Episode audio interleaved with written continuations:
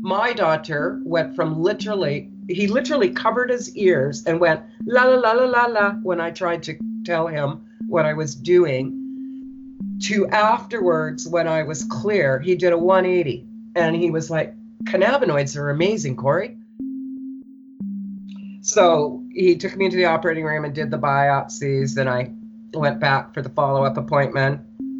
And he walks in the door and he's got this piece of paper at his side. And he looks at me and he looked really super emotional. And um, I always get choked up at this part. He looked at me and he said, You did it. You actually did it. He said, There is absolutely no sign of cancer. You are 100% cancer free if this worked, I'd spend the rest of my life telling people about it. So that's what I do. And I get hundreds and hundreds of messages and emails and phone calls. And, you know, uh, I speak at conferences and uh, I do whatever I can to, to help people. I, I, I just ran with the idea of like, how can I not tell people? How can I stand by and let people die? without them knowing that this could possibly help them. In this episode of the podcast, Corrie Yelland shares her story about getting free from cancer by using cannabis oil.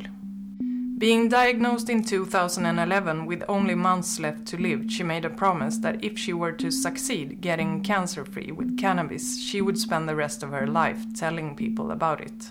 And that's also what she's been doing for the last eight years now. This podcast is produced and hosted by me, Malin Rotenborg. As a Swedish journalist, I started to collect stories and facts about cannabis as medicine in 2016. The stigma surrounding this subject in Sweden is beyond explainable to well informed people from quite many countries these days. And Swedish authorities are doing their best to keep it that way. I could start rambling about the fact that our government recently have decided to escalate their, according to me, misuse of power by making CBD oil from industrial hemp illegal and so on. But instead, I will say that I'm very happy being able to give my listeners this remarkable story of Corrie Yelland. I'm very happy to have you on. Thank you so much. Oh, you're welcome. Nice to meet you. Nice to meet you too so let's start in uh, 2011. You got your uh, cancer diagnosis. Yes, that's correct. Yeah. Yes. What kind of cancer was it? It was anal cancer. Okay. And what were you given? Uh, what kind of prognosis? Uh, they told me that if I didn't do radiation, that I would have two to four months to live, six on the outside. Okay. Yeah. But you didn't do the radiation? No. No, I went to the cancer clinic and I took two other people with me to make sure I heard everything, you know, properly. And uh, when I got there, they were very matter of fact, you know, well, this is the worst part of the body to treat. We're going to hit your coccyx and your pubic bone, so you'll have bone deterioration. Um, we're going to try not to hit your spine. Um, you're going to have second and third degree burns vaginally, rectally, perianally.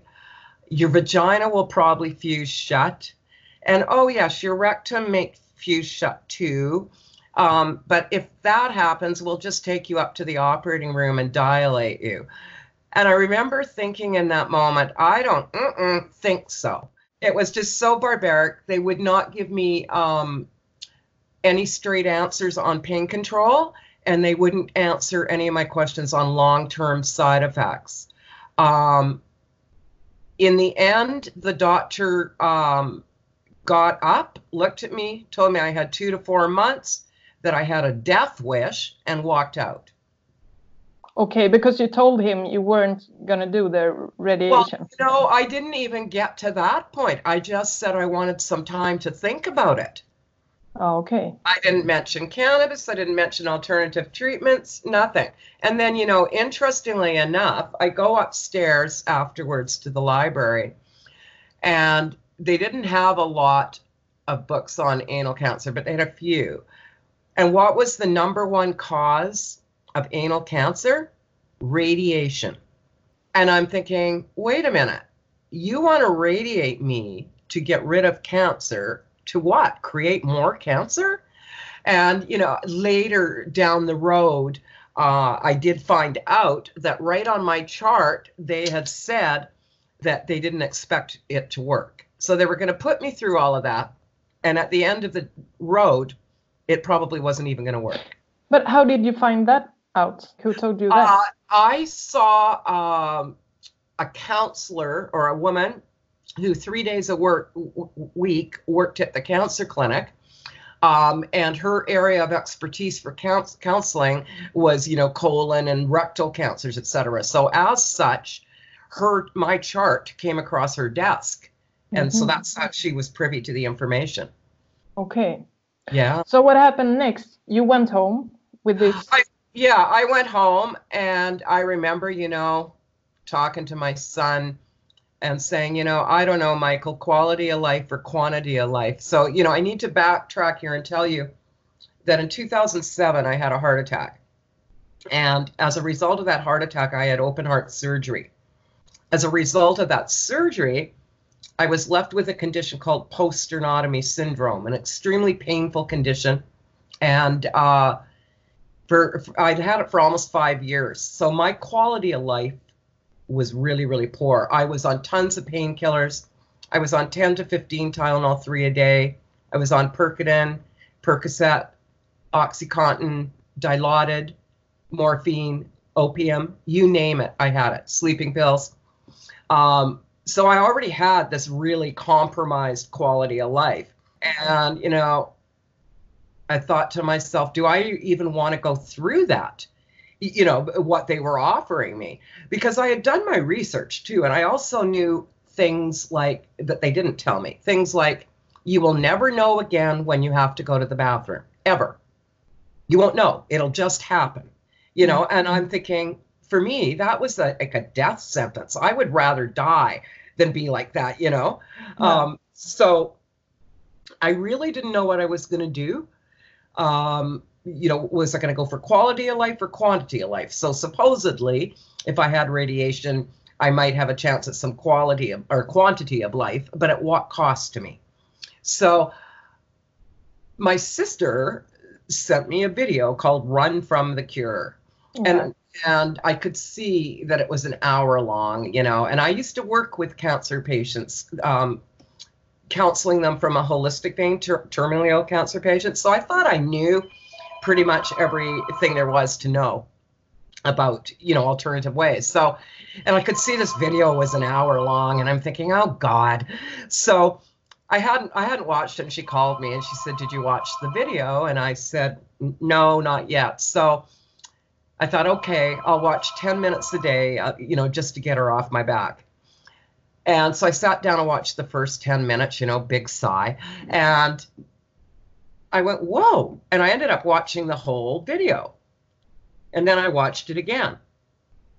And I was blown away by by the video, what what they were saying about cannabis having the potential to kill cancer. Yeah, I'm not So- sure every listener are uh, are familiar with the with this documentary. So Right. maybe we should tell them. Yeah, it's Yes. called Run from the Cure. Yeah. and there's uh, you just go on youtube put in run from the cure full version. So that was the first first uh, that i'd ever heard of cannabis and cancer uh, you know killing cancer. So i phoned a friend of mine personal friend of mine who's an internationally known physician uh, in milan italy. And i said danielle you know what do you know about this? Do you know anything about it? And he said oh corrie we've been using cannabinoids to treat cancer for years here. And I went, You're kidding. And he said, No. And um, he's kind of a cutting edge doctor. He's both a homeopathic naturopath doctor and a actual physician. Yeah. So um, I did nothing but research it for two to three weeks. That's all I did, day in, day out. And I was blown away by the amount of information out there, the amount of studies out there, the papers on it. If you go on PubMed, you know, all sorts of stuff. So in the end, I decided that's what I was going to do, was try this. Um, And I want to remind those who listens that this was 2011, so it's nine years ago. yes, and um, there weren't any Facebook groups on this back then. I was completely on my own, completely and utterly on my own. So I went to my doctor and uh, I said that I wanted to get, well, first of all, I got into a bit of an argument with my doctor because I told him I wasn't going to have radiation. And he said, Yes, you are. And I'm like, No, I'm not. And we got into this little back and forth. And um, then he looked at me and he said, Well, you can go do your alternative treatment and then you can come back and do radiation because he really didn't think it would work, you know? So he wouldn't give me uh, a certificate, medical cannabis certificate. So I had two GPs, I had the two doctors that shared an office. So I saw the female doctor and she looked at me and she said, It's against my religion. so okay. So that that was the first stop sign you know it was like oh my gosh.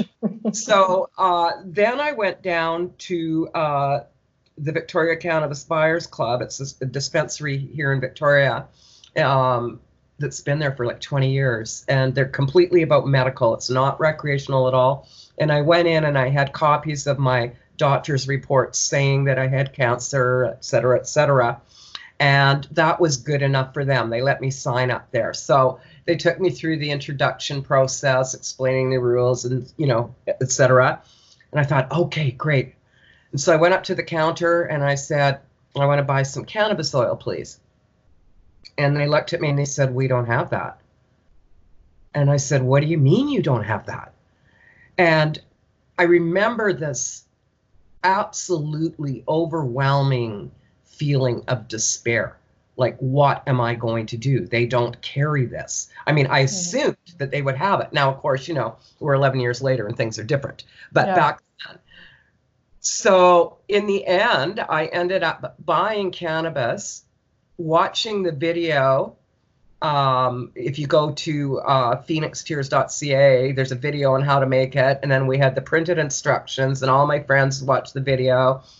And uh, we had the instructions because so not to blow each other up, you know. and uh, we did it at my friend's house in the backyard, and we we made this tiny bit of oil. Like I only had like two ounces of cannabis. We made this tiny tiny little batch of oil, and uh, I started taking it now, you know, I had done cannabis, smoked cannabis in my late teens, early 20s, but I always got really paranoid. So it wasn't any fun for me. So I hadn't done cannabis since, you know, more years than I care to count.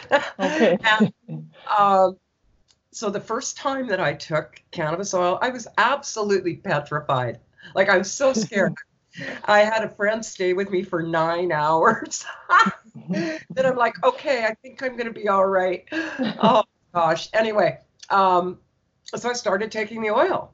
How much did you take? I just took the size of a half a grain of rice, really tiny little little amount, and. Uh, no, eh, three times a day. Okay. And uh, at first, it made me like super super tired and stuff. But you know, about ten days in, a friend of mine called me and said, How are you doing? Because I was like this little old lady, racked in pain, okay? Like my quality of life was Zippo. I couldn't wait tonight for night to come so I could go to sleep. I'd take a sleeping pill. I'd wake up two hours later, consumed with pain, sit on my patio, rocking back and forth in agony till morning, and I'd go, Oh, okay, I made it through another night. And that was my life for five years. So all of a sudden, at day 10, my friend phones me and says, You know, how are you doing? How's your pain? And I went, Wait a minute. I don't have any pain. And in 10 days, I went from 10 to 15 Tylenol 3s, all those other medications I told you about, to half a Tylenol 3. I hadn't even thought of the impact or possible impact it might have on that part of my health.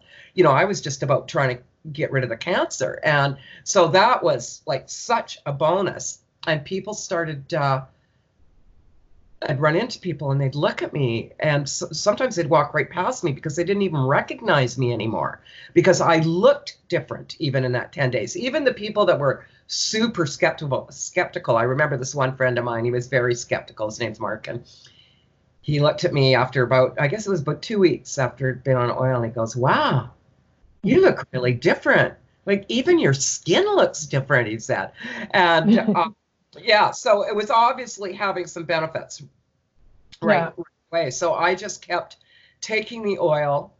Um, because I was on disability and because of my tolerance, I I didn't get up to a gram a day. And keeping in mind, I'm on my own at this point, nobody to advise me. So, because I haven't gotten to that gram a day, because in the video it says you want to do 60 grams of oil in 90 days. Yeah. Well, I get up to a gram, and I certainly didn't do 60 grams in 90 days. So I did not go back to the doctor for an entire year because I didn't want any more bad news. And no. I was convinced that the that the cancer was still there because I hadn't done the gram a day. I, I you know, I'd t- taken much less. I think at the very most, at the very, very most, I think I got to two thirds of a gram a day. So, you know, when I went to the doctor, I thought, yeah, it's still going to be there, right? Yeah. Uh, but did you did you not to go so fast because did you how did you feel uh, during this time this year? I was uh, tired. It took me a long time to work up the tolerance. Okay, and then I started doing suppositories of oil too.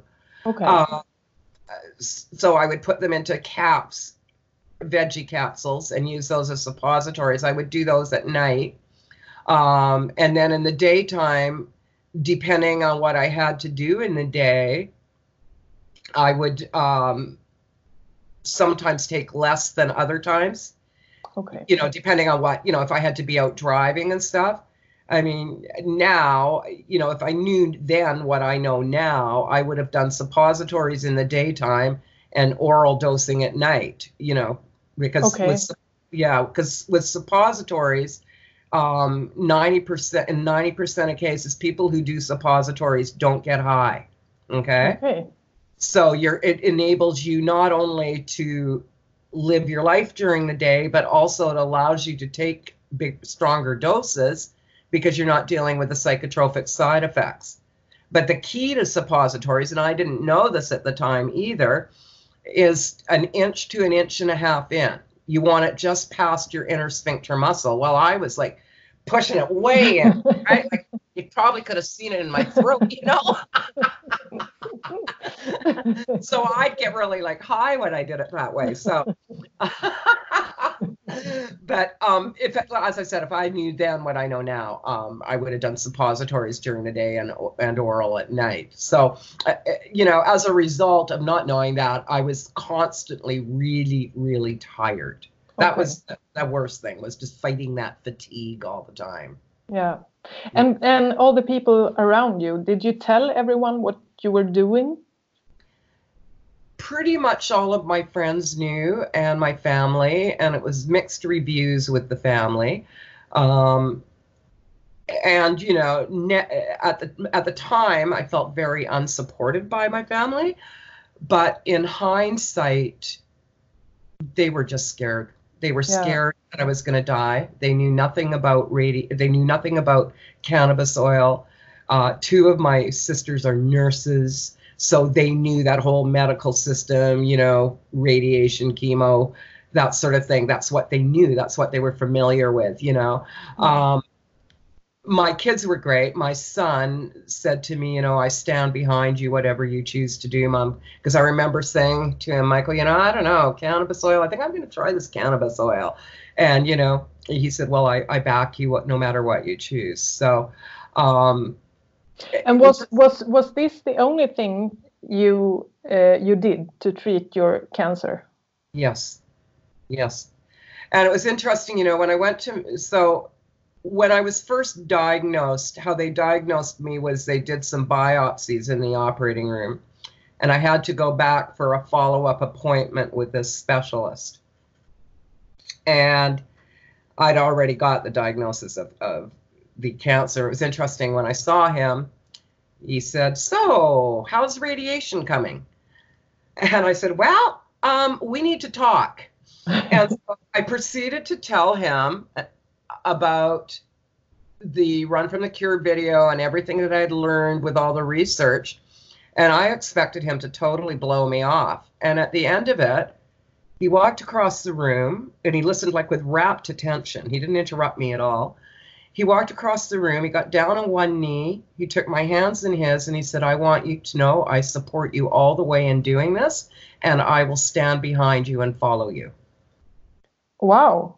Yeah, so that's this, what I this, thought too. This wasn't the same doctor as no. uh, the first no, one. This, no. No, this was the surgeon who specialized in rectal stuff. Okay. So he had, he had worked with a lot of cancers, and uh, yeah, he was very supportive, which was cool.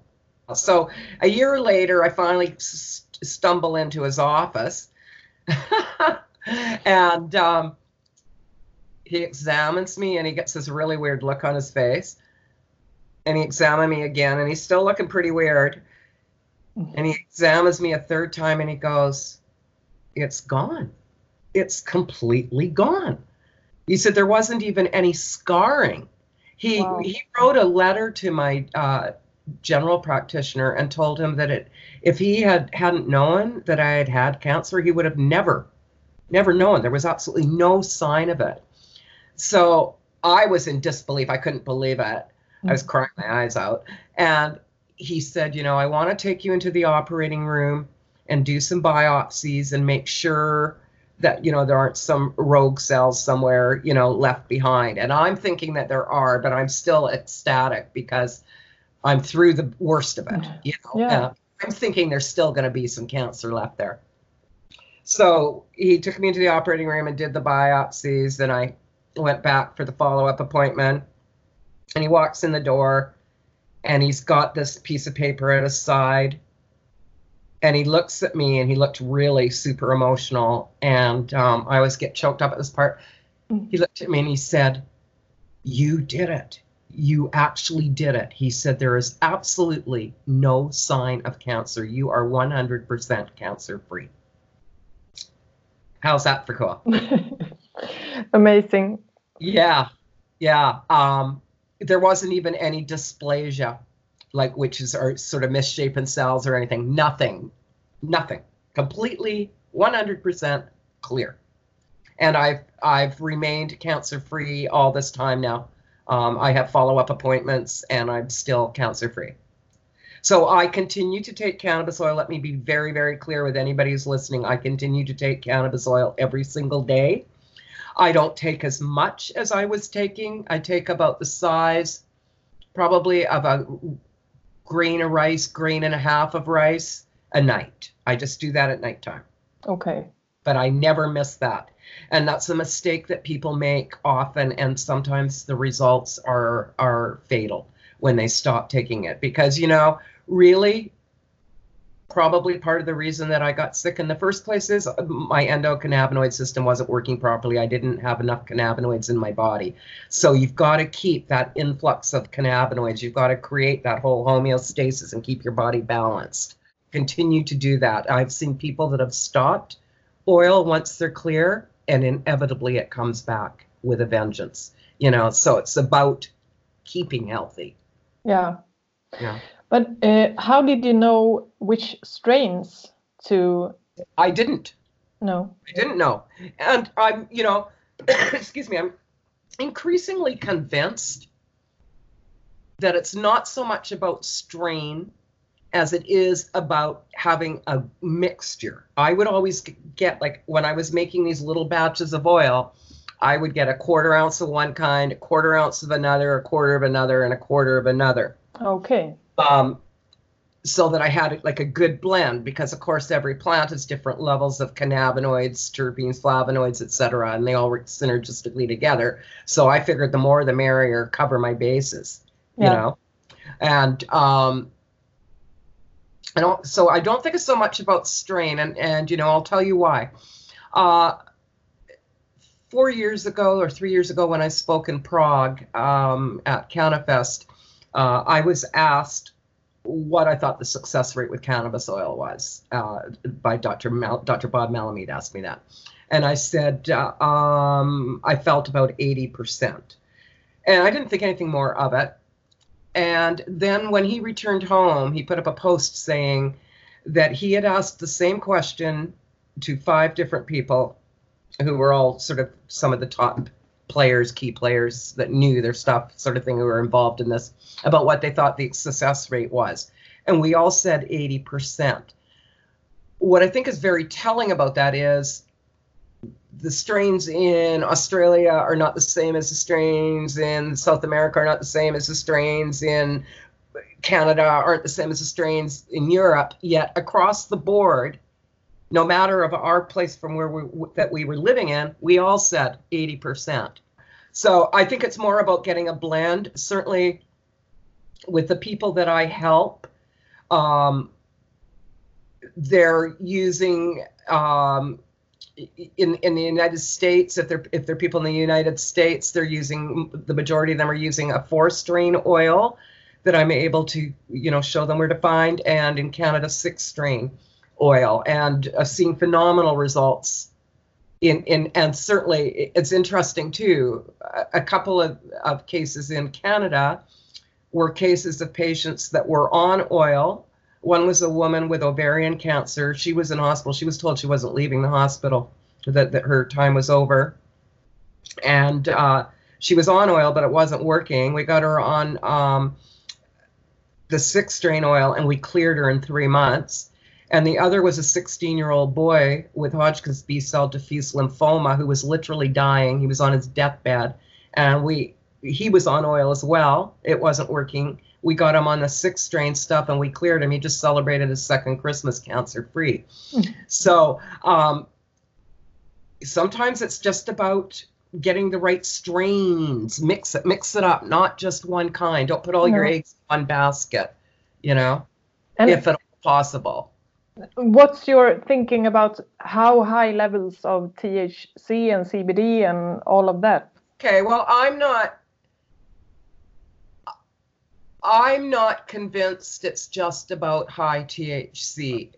There's more and more knowledge coming forward about the roles that the other cannabinoids play as well. Uh, for example, CBN is showing great promise with lung cancer.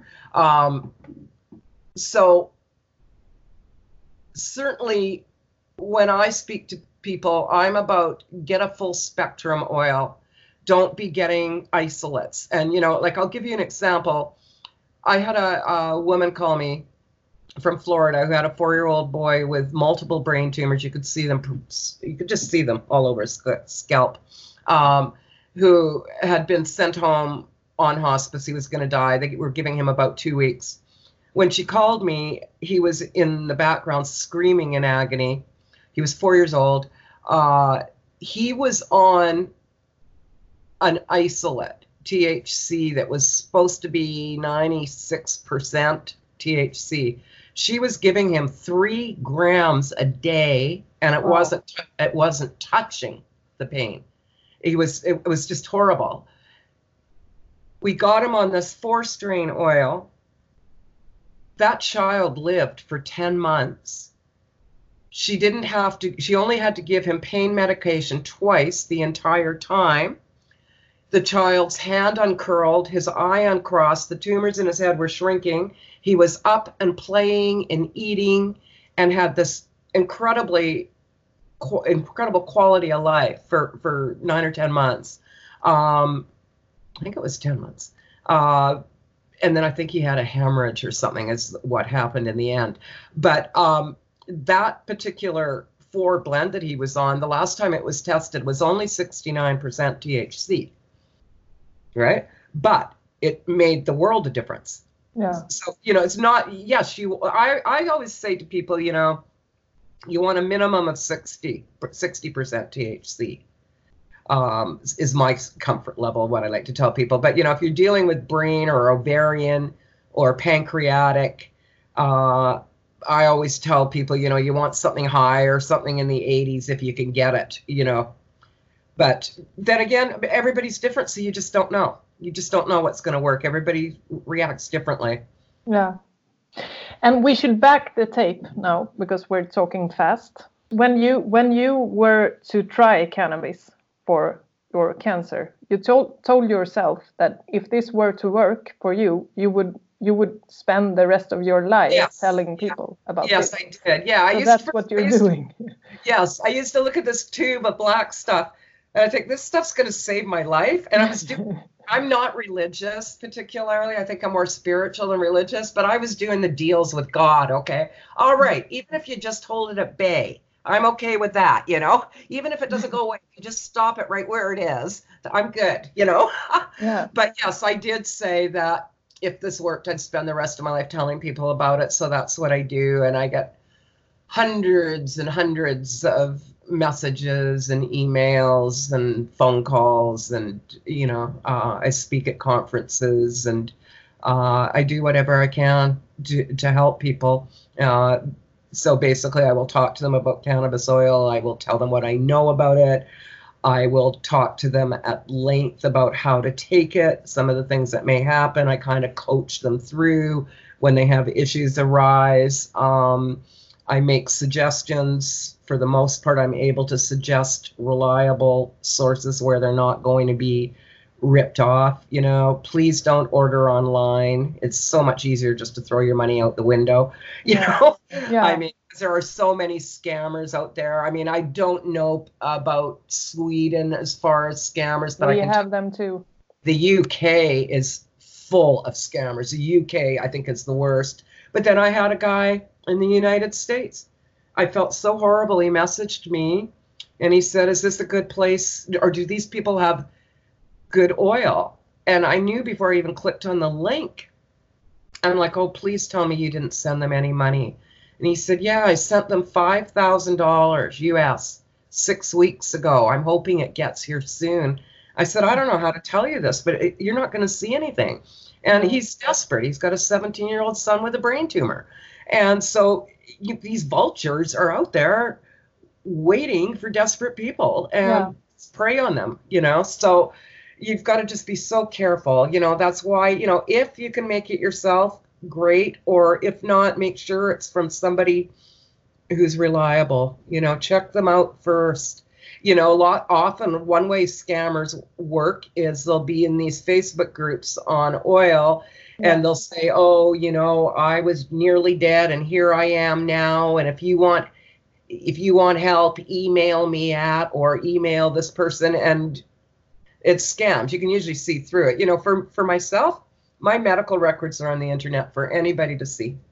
You know, Yeah. um, yeah. And also, you don't sell anything. no, I don't sell oil. No. I never have sold oil. No, no, I No. don't sell oil at all. No, no. Um, but it's a shame. But that that there is that uh, world of scammers, etc. But there is, and people just need to be careful. And unfortunately, when you have a cancer diagnosis, you're in it usually in panic Desperation. Yeah. you're desperate and pan- panicking, and uh, it's really scary, and you're very, very vulnerable at that time. Um, so people need to reach out to people like myself who can, you know, hopefully can- s- steer them in the right direction. You know, Yeah. yeah. But doesn't it ever get very overwhelming with all these people? Yes. Yes, it does. I mean, I do this seven days a week, 10, 12, 14 hours a day. Um, yes, it is overwhelming. It, it can be really, really overwhelming. And people, when they're scared and desperate, are not the politest people in the world either.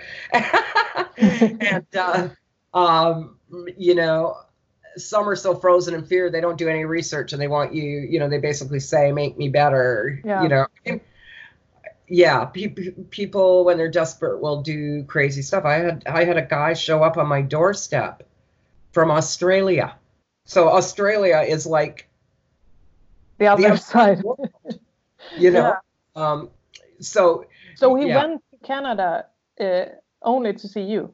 yes he had liver cancer yeah He And what happened? cancer. we cleared him in two months That's good. yeah, but I had messaged with him once or twice, and then it's not even like he said I'm on my way. Had doorbell rang. I answered the door. Hi. I'm like, whoa. yeah, it can be it can be overwhelming,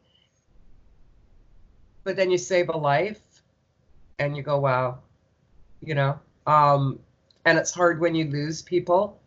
It's fair. You never get used to it, you know. And there's those that you get. There's some that you. Some people you get really close to, just like you know, in any other aspect of your life. There's people that you really connect with, and that, that can be really difficult.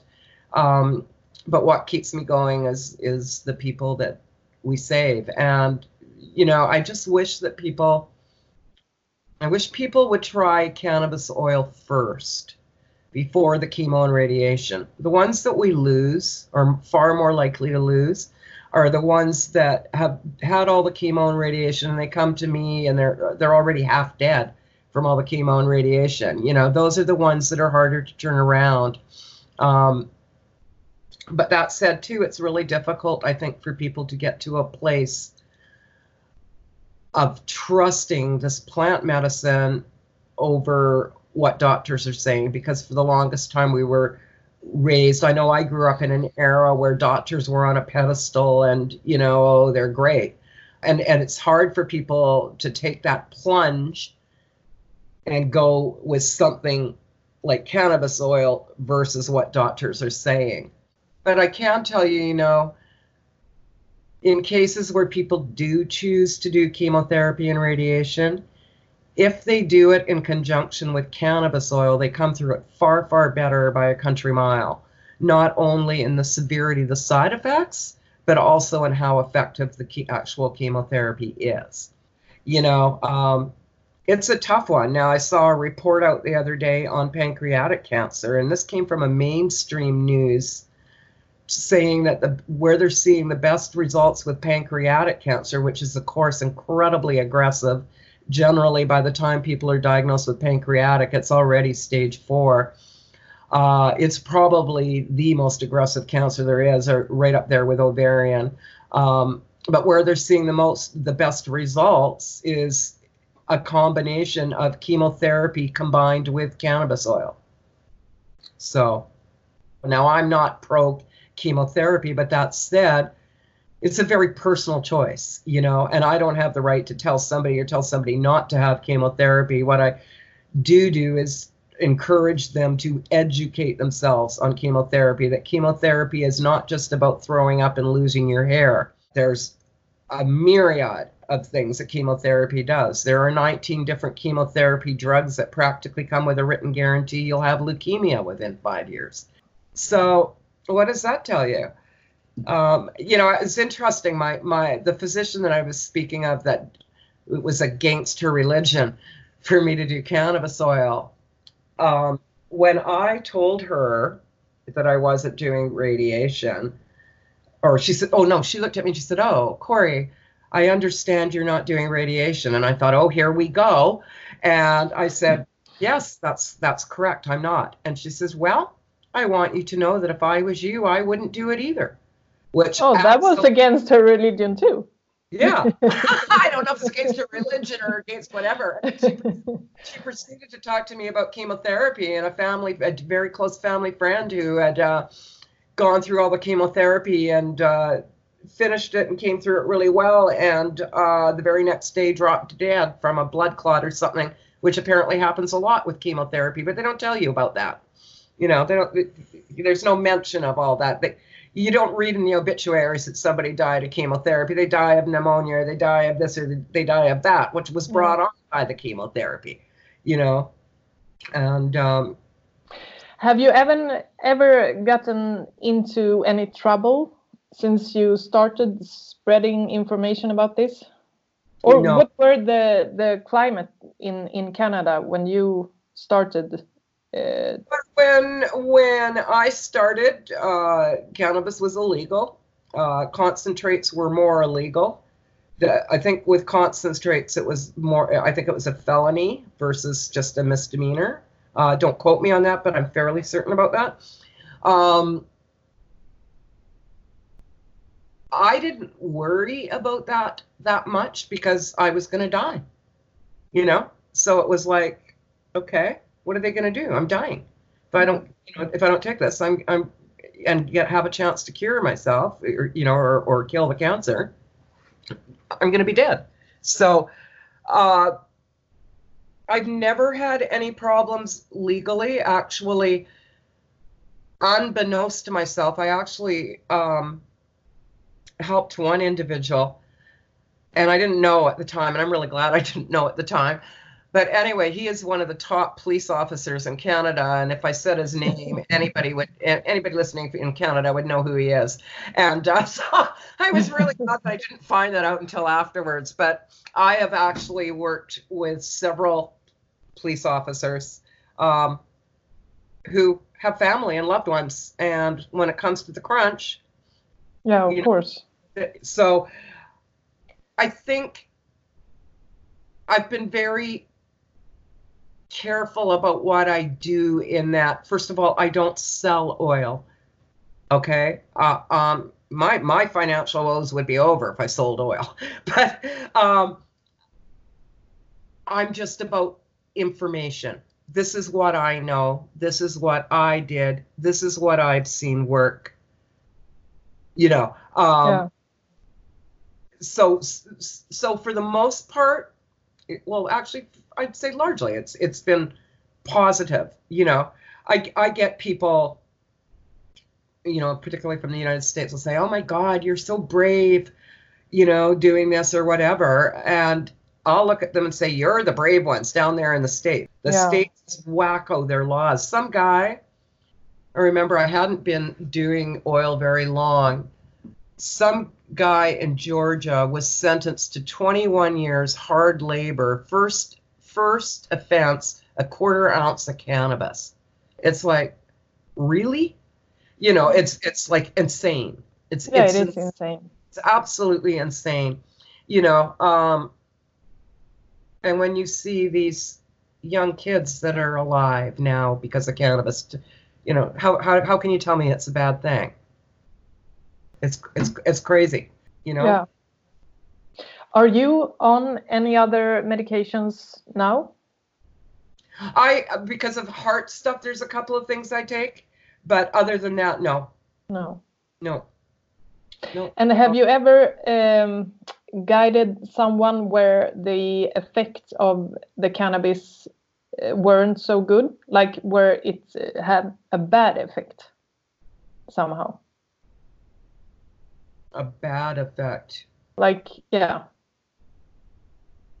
No, not really. I mean, you know, I've certainly lost patients, and generally they're the ones that have had the chemo and radiation. But in every single case, without exception, every single time I have lost somebody, the family has said what a difference cannabis oil made to their quality of life. I just lost a, a very dear friend of mine a week ago Saturday. Uh, we were friends for 25 years. Uh, oh, I'm sorry. Yeah, thank you. His name was George. Uh, he would have been uh, 89 in May. Um, so big age gap in us, 20, 24 year age gap. But uh, he, as a result of radiation for prostate cancer back in the day, ended up with kidney and ureter cancer that morphed into blood cancer that morphed into two brain tumors.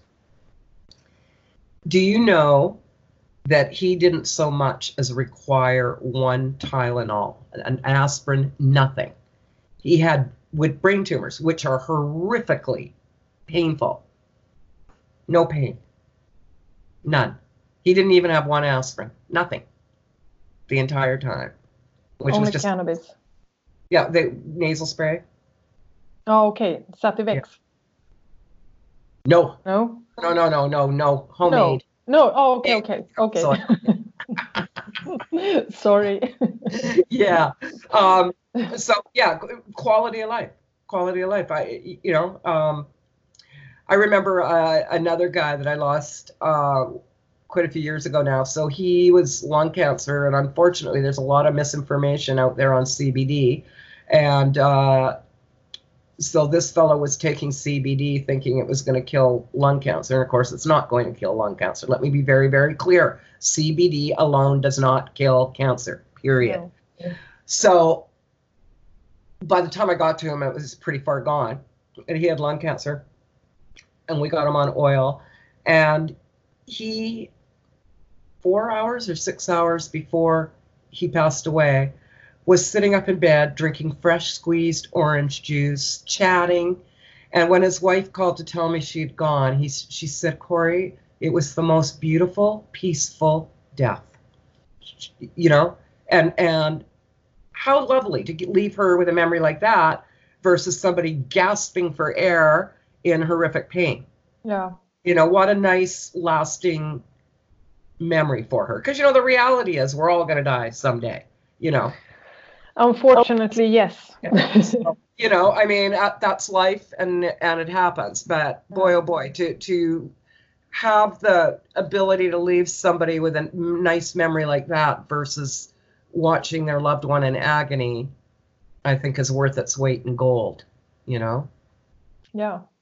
So that said, I I can't even tell you how many times literally plucked people off of their deathbed. So you know, when people call me and say, "Is it too late?"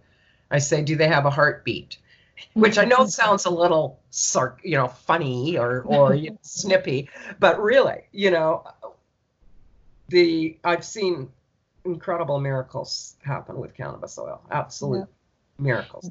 Do you have a clue how many people you've helped so far?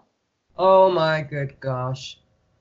You know, often I don't hear back from people, and then I'll hear through the grapevine. I remember one guy, he was a brain tumor, and I thought he had died. Oh no, that tumor's been gone for three years. He's back at work. He's CEO of the company now. Look, you're kidding. It's like so often people don't get back to me, but that I know of, um, I would say I've helped save well over 1,500 lives now. Yeah. I get calls from all over, like there's no holding this back now. I had no. a call from a guy living on an island in the Indian Ocean off the tip of South Africa who's treating his what a mom for breast cancer. So, you know, the word is out there now. There there's yes, no way can shut it down anymore, you know. But but it's interesting that that makes it very interesting because I'm in Sweden. Yes. And we are in a bubble. The information about all this is not here yet and it's it's ah. no and of course some people have been treating their cancer with the cannabis here but people here are so afraid to speak up about yes. it because it's yeah it's too risky yeah yeah and and you know i i run into that a lot too with people particularly if they're living in the united states um, they're very afraid to say anything yeah. you know i i guess you know for myself I took I, I I just ran with the idea of like how can I not tell people? Yeah. How can I stand by and let people die without them knowing that this could possibly help them? You know, the at the and you know the youngest person I helped was two months old, and the oldest was the very first person I helped, and she was 86. Oh wow! Tell me about those. Well, the 86 year old uh, lived in California and she had stage three colon colorectal cancer that had spread, I think, to her liver. I can't recall where it had spread.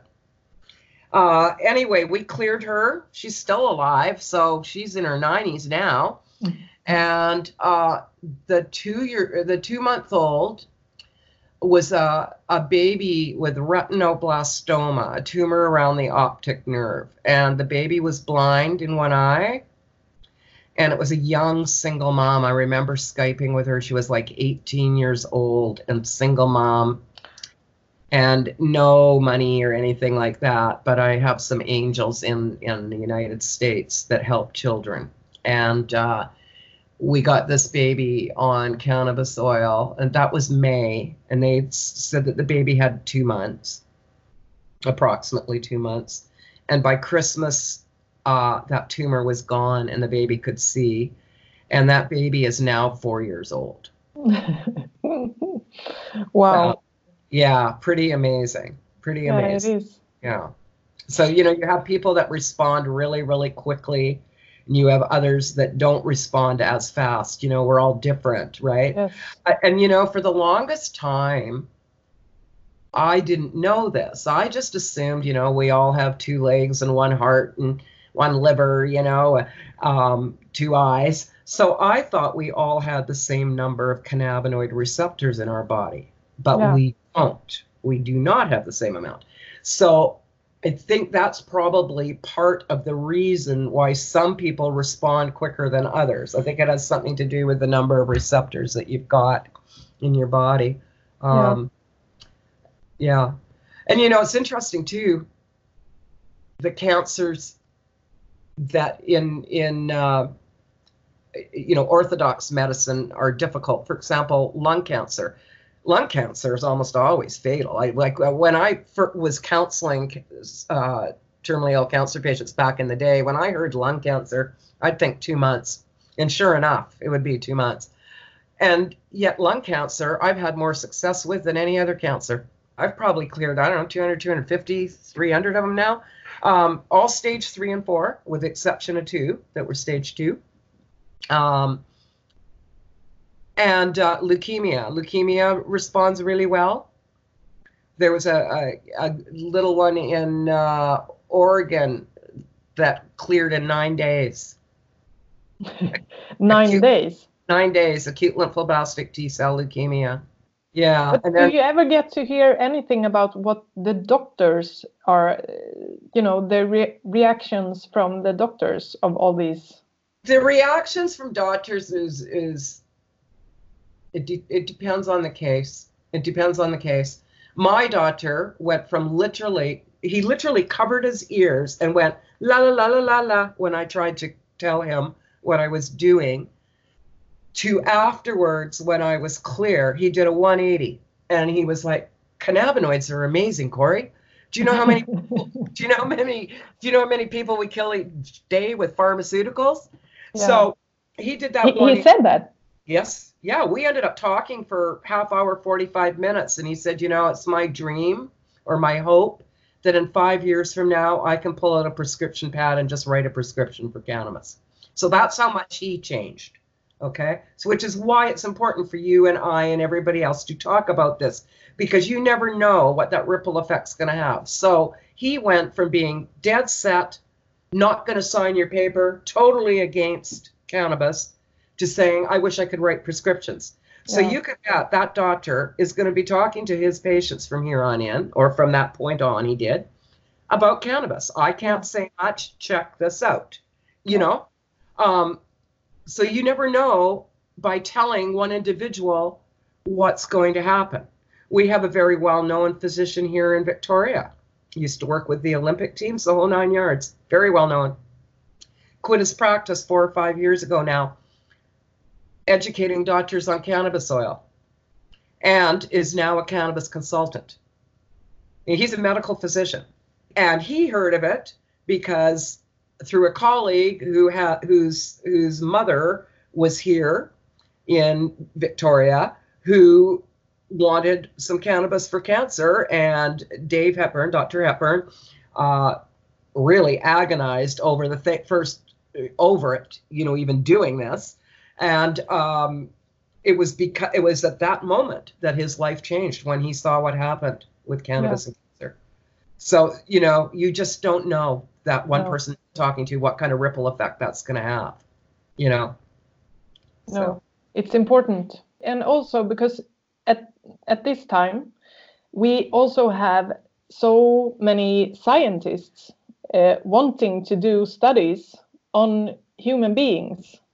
Yes. For example, uh, Dr. Mechoulam in uh, Israel. Yes, I've met His- him. Oh, you have. Yes, yeah, I've met him. Yeah, Mm. he's I would love to. Yeah, he, he's been wanting to do the, these studies for years. Mm-hmm. Yep. Yeah. Yeah. and it's interesting. You know, I've spoken at uh, Cannafest in Prague for the past four years, and you can sure feel the momentum building. And there's more and more. Like there were a number of doctors in the audience when we did our panel that actually came up afterwards and introduced themselves. So you know we're seeing more and more of it. Yeah. Un- you know, unfortunately, it's not happening fast enough for me because for every day that people don't know about this, we have people dying that we could save. yes. Yeah. And I mean, one in three women, one in two men are going to get cancer. And Yeah. we're only talking about cancer. But I mean, I get people coming to me with everything from uh, multiple sclerosis to uh, fibromyalgia, ADHD in their children, diabetes. Um, you know, you name it. I I say to people, show me a disease condition that cannabis does not at least help, because I am yet to see one. Okay, Huntington's disease, um, you name it. You know, I've I've gotten um, people with MS out of wheelchairs. You know, um, fibromyalgia, Lyme disease, uh, seizures, PTSD, um, virtually everything. Yeah. And I, I think also a problem is so many people are thinking when they hear stuff like this, it's like, okay, well, if it were to work that good, then doctors would use it.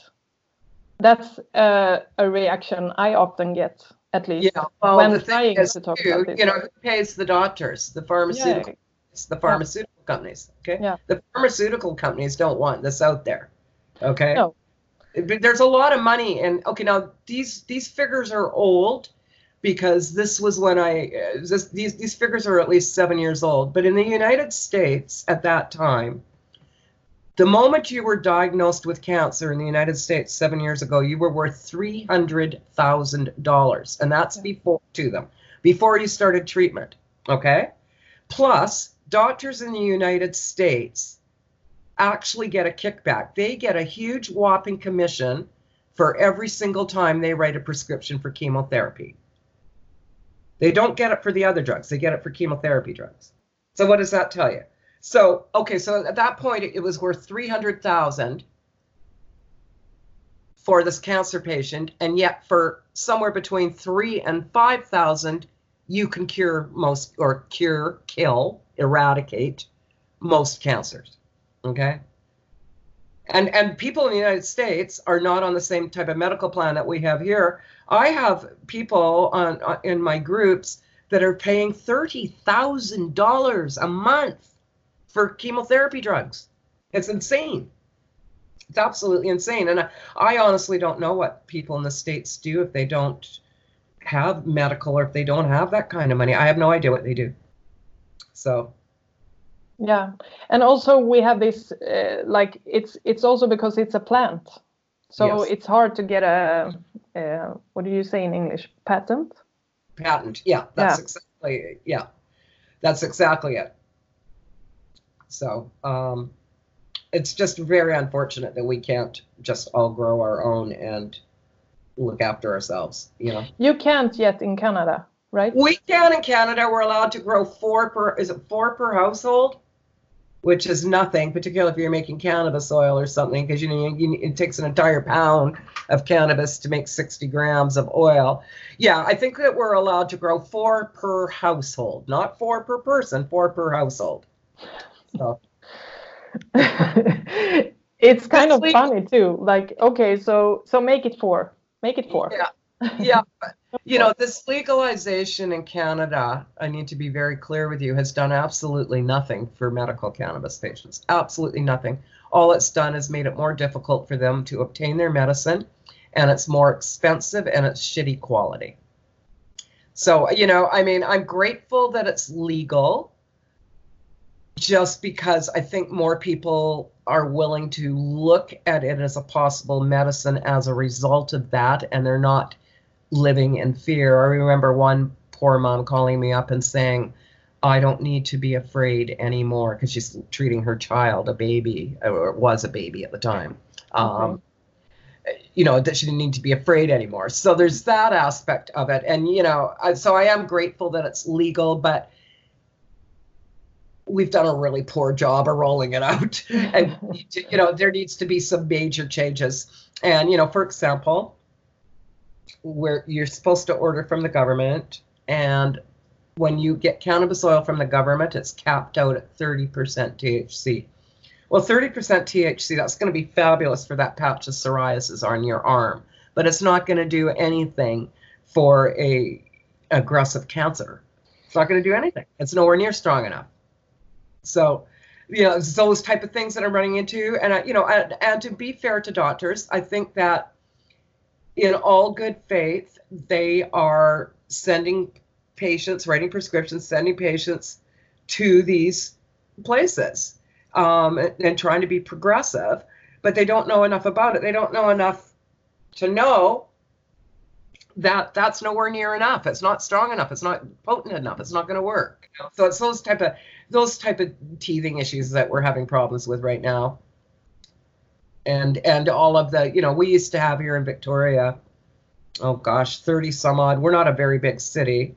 With 30 some odd dispensaries you could go to, and they're almost all closed now. The Victoria Cannabis Buyers Club is still open and they've made some kind of exception locally and now they're trying to get it approved by the powers that be to allow them to remain open because they're not recreational. They're strictly about medicine. You need to have the medical documentation you know before you can even gain access to their products. So um but it's hard you know the whole legalization has not been great.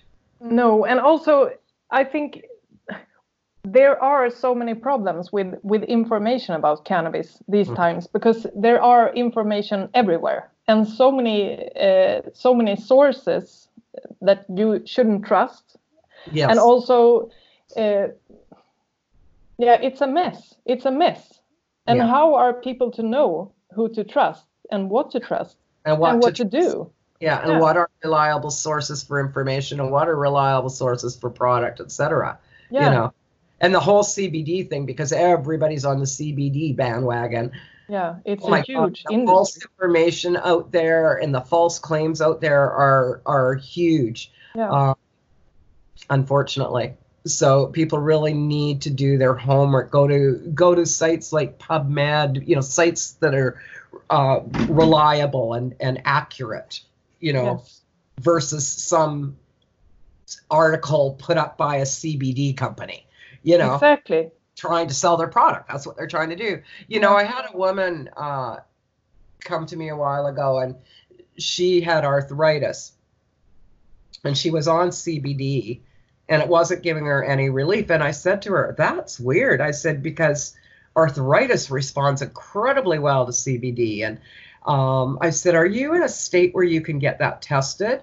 And she said yes. And, and i said well why don't you get it tested? She said i think i might because she said, All it does is make me sleepy. It's not giving me any relief at all. And I said, Sleepy? I said, That's really weird.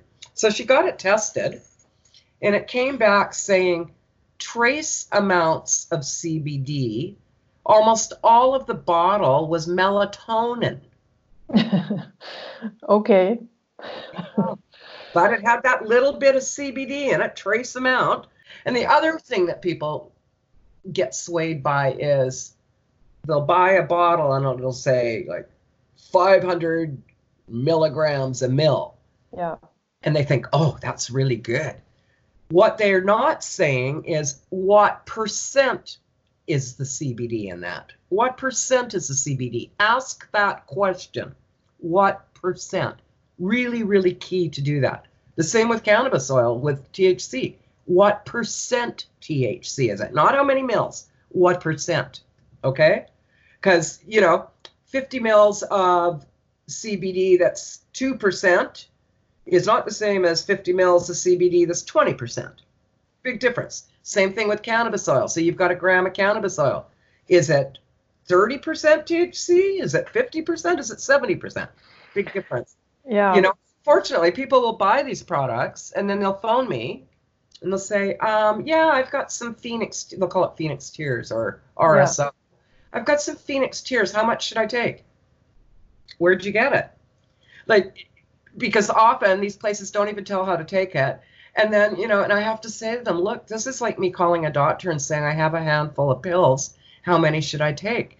Because you're asking me to comment on an unknown, you know. So I really caution people to Find out the percentages. That's the key part. What percentage of THC? What percent of CBD is? Yeah, this? and also never buy any oil that claims to be Phoenix Tears because No. Rick Simpson doesn't sell any oils. No, so no. No, and often people will call it Phoenix Tears because um, that's what people are looking for and it sells. Yeah. So, you know, I mean, there are dispensaries that call their products Phoenix Tears. And I mean, I get 60 to 80 phone calls a week with people from people with a rendition of, I've been on the oil for two months. How come it's not working? And I'll say, Where'd you get it? More often than not, a dispensary. More often than not, when they go back to that dispensary, it's nowhere near what they needed. But they'll call it Phoenix Tears, RSO, whatever yeah, and you know uh, and these people of course are are desperate and um, not thinking completely clearly and and just assume that the place they're buying it from knows what they're talking about and buy it and only to find out that it's just garbage so yeah.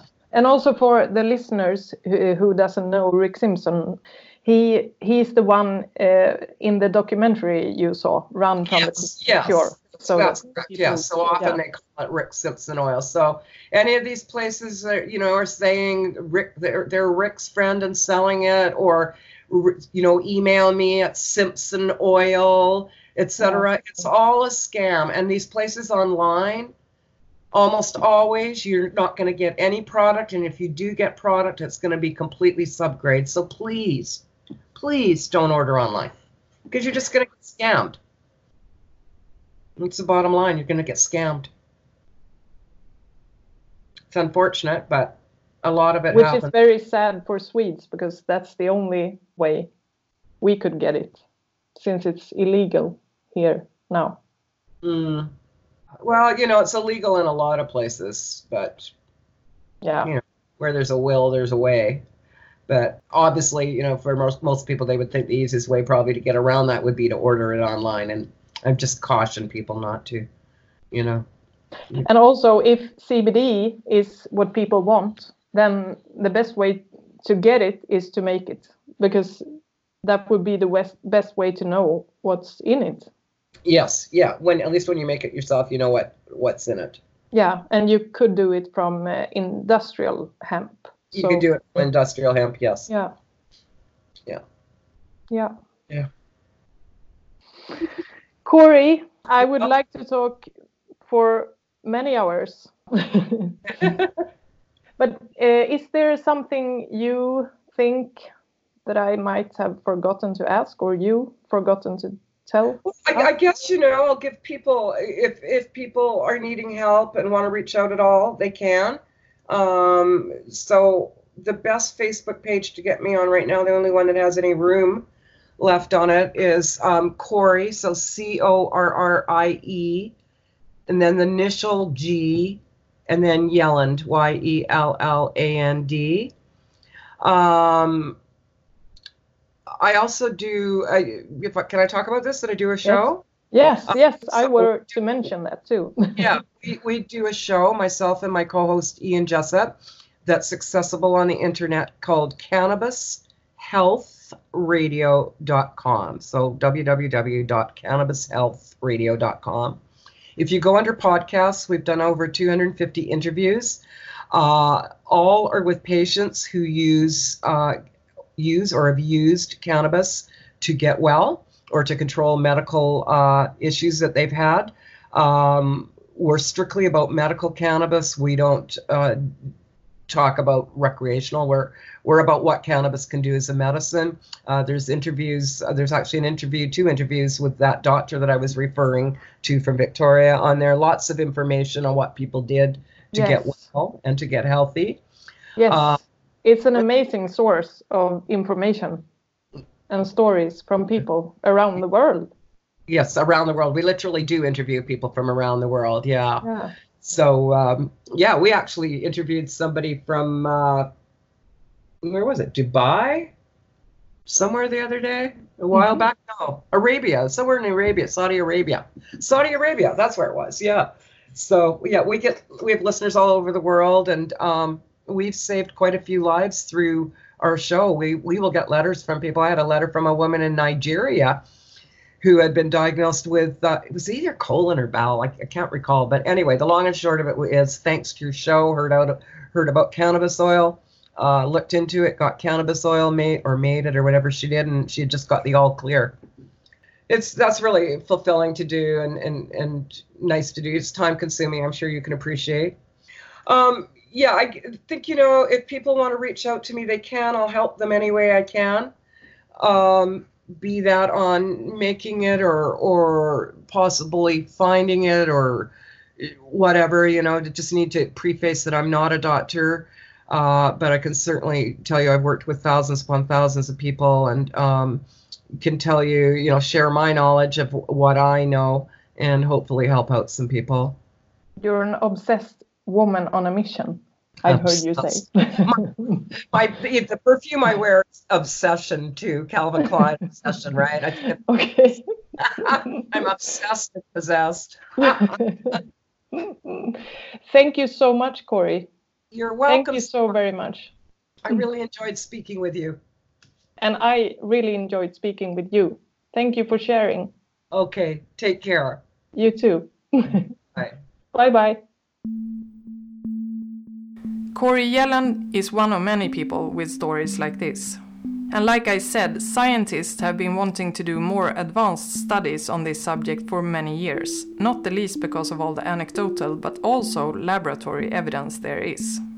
That said, if any one of you listening is dealing with poor health or a disease of some kind, please do not take this episode as medical advice or as encouragement to quit or replace your treatment or medication with cannabis. I also want to make it clear that I'm not able to help anyone with any recommendations on this subject whatsoever. This podcast is simply about people sharing their experience and knowledge about cannabis. If you want more stories with and about people using cannabis as medicine, I can highly recommend you to listen to Cannabis Health Radio. If you want to support my work with this podcast, there are links below with a variety of ways to do so. Last but not least, thank you for listening and thank you for spreading the word about this podcast with people who might be interested.